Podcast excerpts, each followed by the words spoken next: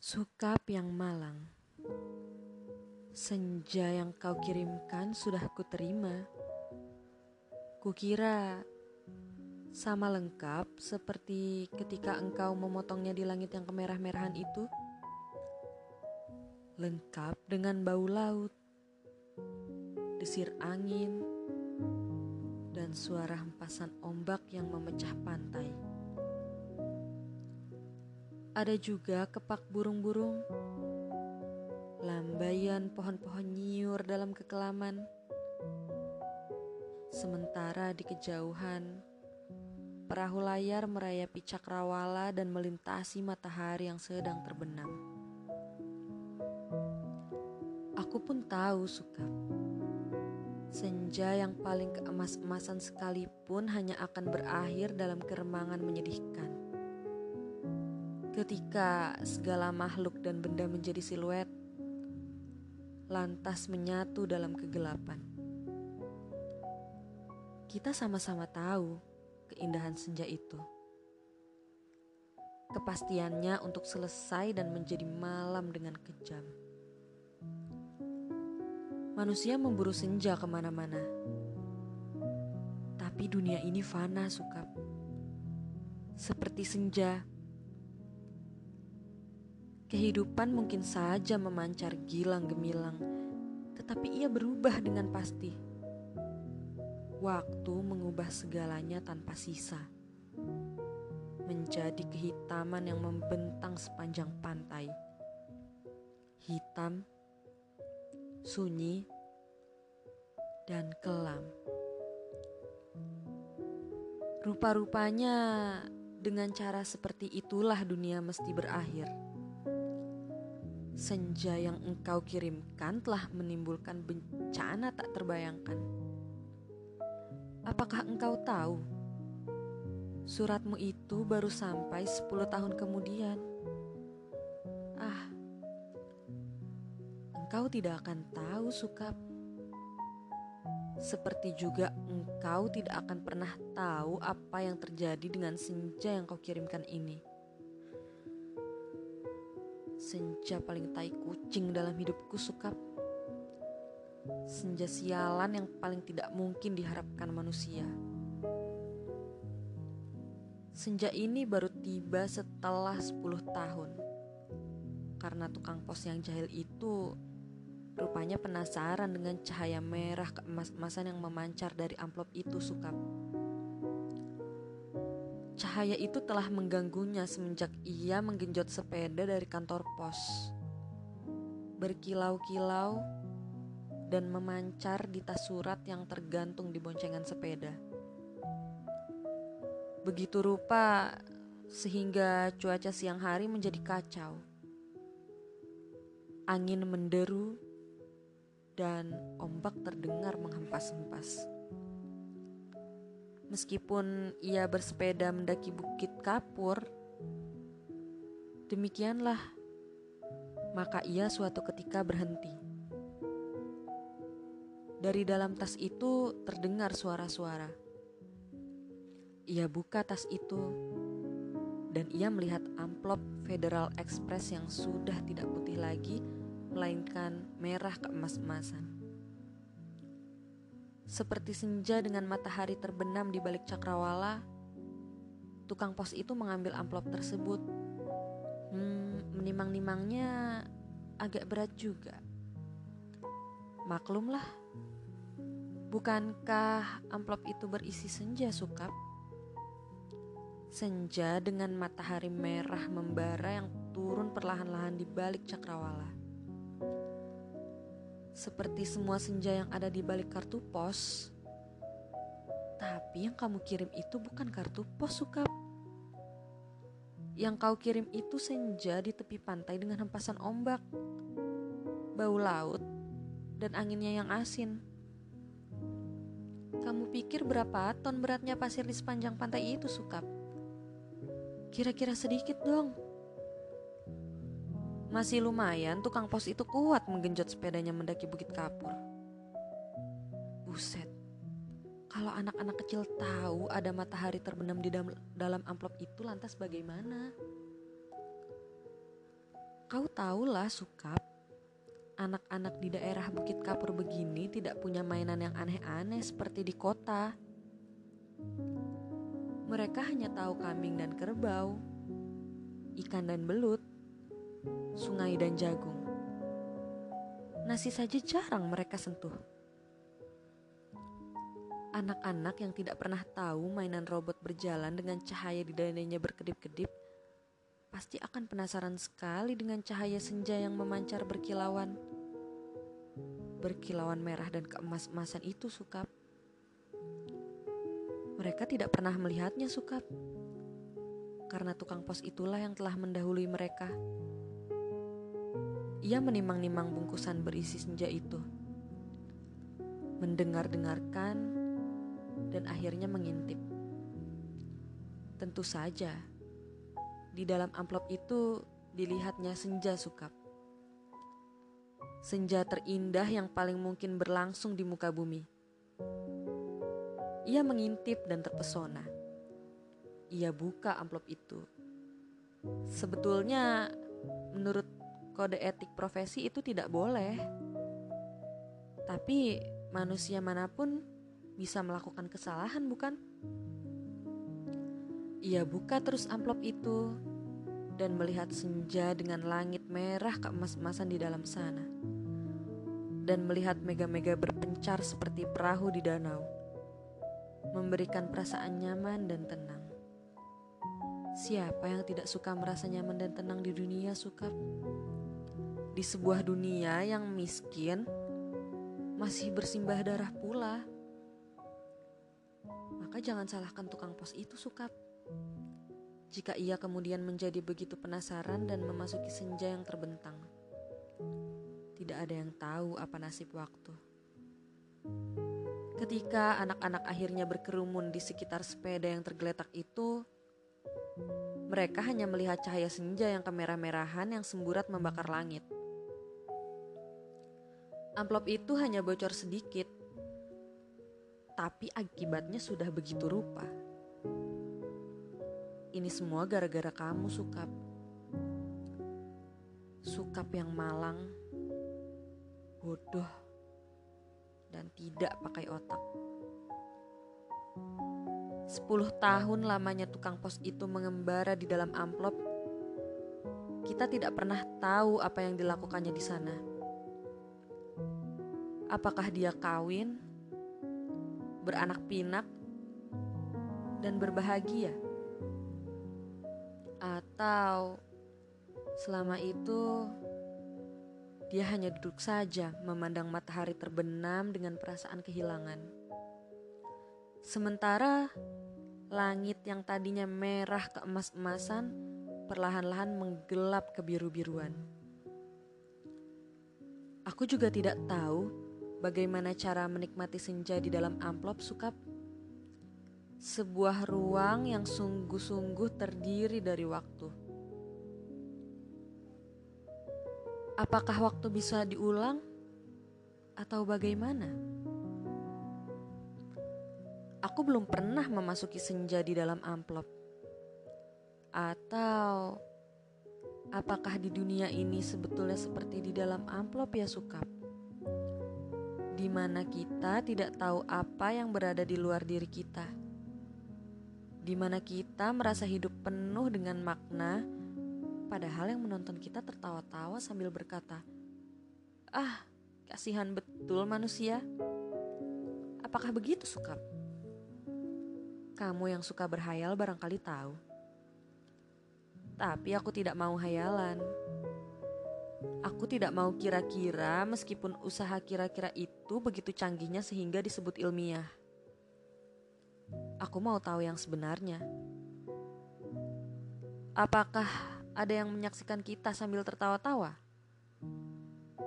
Kalau iya, apalah artinya hidup kita ini, Sukap? Tidakkah nasib manusia memang seperti ikan yang diternakan hanya untuk mengisi akuarium di ruang tamu seseorang yang barangkali juga tidak terlalu peduli kepada makna kehidupan ikan-ikan itu? Aku tidak pernah tahu. Tidak ada seorang pun yang tahu apa yang dialami tukang pos itu di dalam amplop. Sampai ia keluar 10 tahun kemudian dengan wajah bahagia. Ia sudah 10 tahun menghilang di dalam amplop. Tapi ia tidak tampak bertambah tua.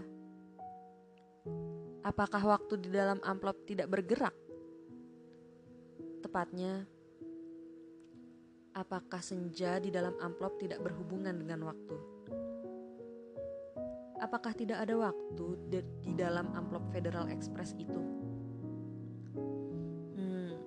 Apakah aku harus peduli dengan semua ini, Sukap? Apakah aku harus peduli? Kamu betul-betul merepotkan aku, Sukap. Dasar laki-laki tidak tahu diri. Sukap yang malang goblok, dan menyebalkan. Kamu tahu apa yang terjadi 10 tahun kemudian? Tukang pos itu tiba di depan rumah kami. Ya, rumah kami. Setelah 10 tahun banyak yang terjadi dong sukap. Misalnya bahwa kemudian aku kawin, beranak pinak dan berbahagia jangan kaget. Dari dulu aku juga tidak mencintai kamu, Sukap. Dasar bego. Dikasih isyarat tidak mau mendengarkan. Sekali lagi, aku tidak mencintai kamu. Kalau toh aku kelihatan baik selama ini padamu, terus terang harus kukatakan sekarang. Sebetulnya aku cuma kasihan Terus terang aku kasihan sama kamu Sukap. Mencintai begitu rupa, tapi tidak tahu yang kamu cintai sebetulnya tidak mencintai kamu. Makanya jangan terlalu banyak berhayal Sukap. Pakai otak dong sedikit. Hanya dengan begitu, kamu akan selamat dari perasaan cintamu yang tolol itu. Tapi bukan cinta tai kucing ini yang sebetulnya ingin kuceritakan padamu, Sukap. Soal cinta ini sama sekali tidak penting. Kamu harus tahu apa akibat perbuatanmu ini, Sukap. Mengirim sepotong senja untuk orang yang sama sekali tidak mencintai kamu. Tahu apa akibatnya? Begitu tukang pos itu pulang, setelah menceritakan kenapa pengiriman Federal Express bisa terlambat 10 tahun. Kubuka amplop berisi senja itu terjadilah semua ini. Apa kamu tidak tahu, Sukap? Senja itu meski cuma sepotong, sebetulnya juga semesta yang utuh. Kamu kira matahari terbenam itu besarnya seperti apa? seperti apem. Kalau sepotong senja itu di dalam amplop terus sih tidak apa-apa.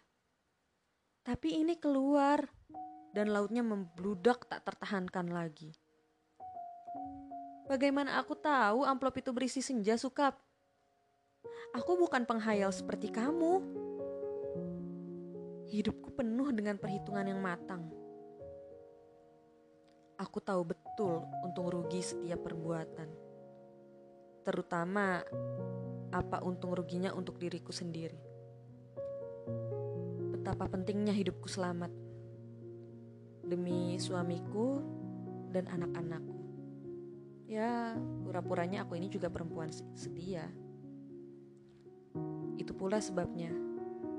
Sebelum maupun sesudah kawin, tidak sudi berhubungan dengan kamu, Sukap. Lagi pula aku tidak mencintai kamu. Mau apa? Tapi kamulah yang tidak tahu diri. Mengirim senja tanpa kira-kira. Dunia jadi berantakan tahu.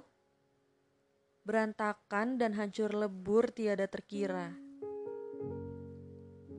Setelah amplop itu kubuka dan senja itu keluar. Matahari yang terbenam dari senja dalam amplop itu berbenturan dengan matahari yang sudah ada.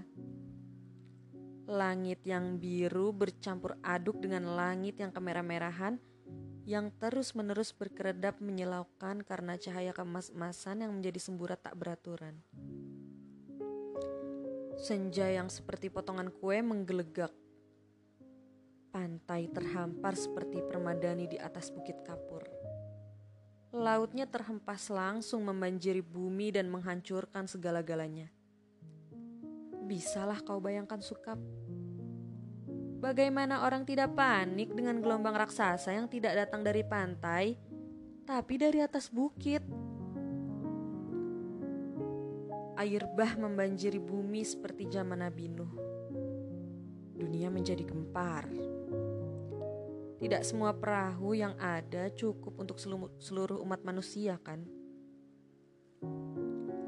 Lagi pula sampai kapan kapal dan perahu itu bisa bertahan. Tiada satu kota pun yang selamat. Lautan dari senjamu yang membuat langit merah membara itu menghempas dan memanjiri bumi dengan cepat sekali. Gedung-gedung pencakar langit di setiap kota besar di seluruh dunia, gunung-gunung tertinggi di muka bumi, semuanya terendam air. Sukap. Bumi ini sekarang sudah terendam air. Di mana-mana air. Dan langit senja tak kunjung berubah menjadi malam. Segalanya kacau, Sukap. Gara-gara cintamu yang tak tahu diri. Sukap yang malang, paling malang, selalu malang.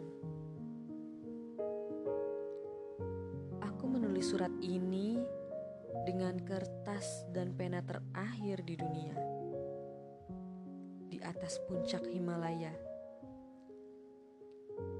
di depanku ada sebuah sampan kecil dengan sepasang dayung dan sebungkus supermi. Itulah makanan terakhir di muka bumi. Sisa manusia yang menjadi pengembara lautan di atas kapal dan perahu telah mati semua. Karena kehabisan bahan makanan maupun mayat teman-temannya sendiri manusia memang banyak akal. Tapi menghadapi senja dari dalam amplop itu tidak ada jalan keluar. Banyak orang mempertanyakan diriku. Kenapa aku membuatmu begitu cinta menggebu-gebu? Padahal cinta secuil pun juga tidak sehingga kamu mengirimkan sepotong senja itu kepadaku dan tumpah ruah membanjiri bumi. Tapi coba katakan, tapi itu bukan salahku toh sukap. Aku tidak mau disalahkan atas bencana yang menimpa umat manusia. Mengapa cinta harus menjadi begitu penting sehingga kehidupan terganggu? Ini bukan salahku. Air laut kulihat makin dekat. Setidaknya setengah jam lagi tempat aku menulis surat ini sudah akan terendam seluruhnya. Aku akan naik perahu, mendayung sampai teler, makan supermi mentah, lantas menanti maut akan kukirim ke mana surat ini? Barangkali kamu pun sudah mati, Sukap. Semua pengembara di lautan sudah mati. Sedangkan di puncak tertinggi di dunia ini tinggal aku sendiri. Dari hari ke hari memandang senja yang selesai, di mana matahari tidak pernah terbenam lebih dalam lagi. Semesta dalam amplop itu telah menjadi pemenang dalam benturan dua semesta. Namun, semesta dalam amplop itu cuma sepotong senja. Sehingga dunia memang tidak akan pernah sama lagi. Kalau aku mati nanti, bumi ini akan tetap tinggal senja selama-lamanya. Dengan matahari terbenam separuh yang tidak pernah turun lagi.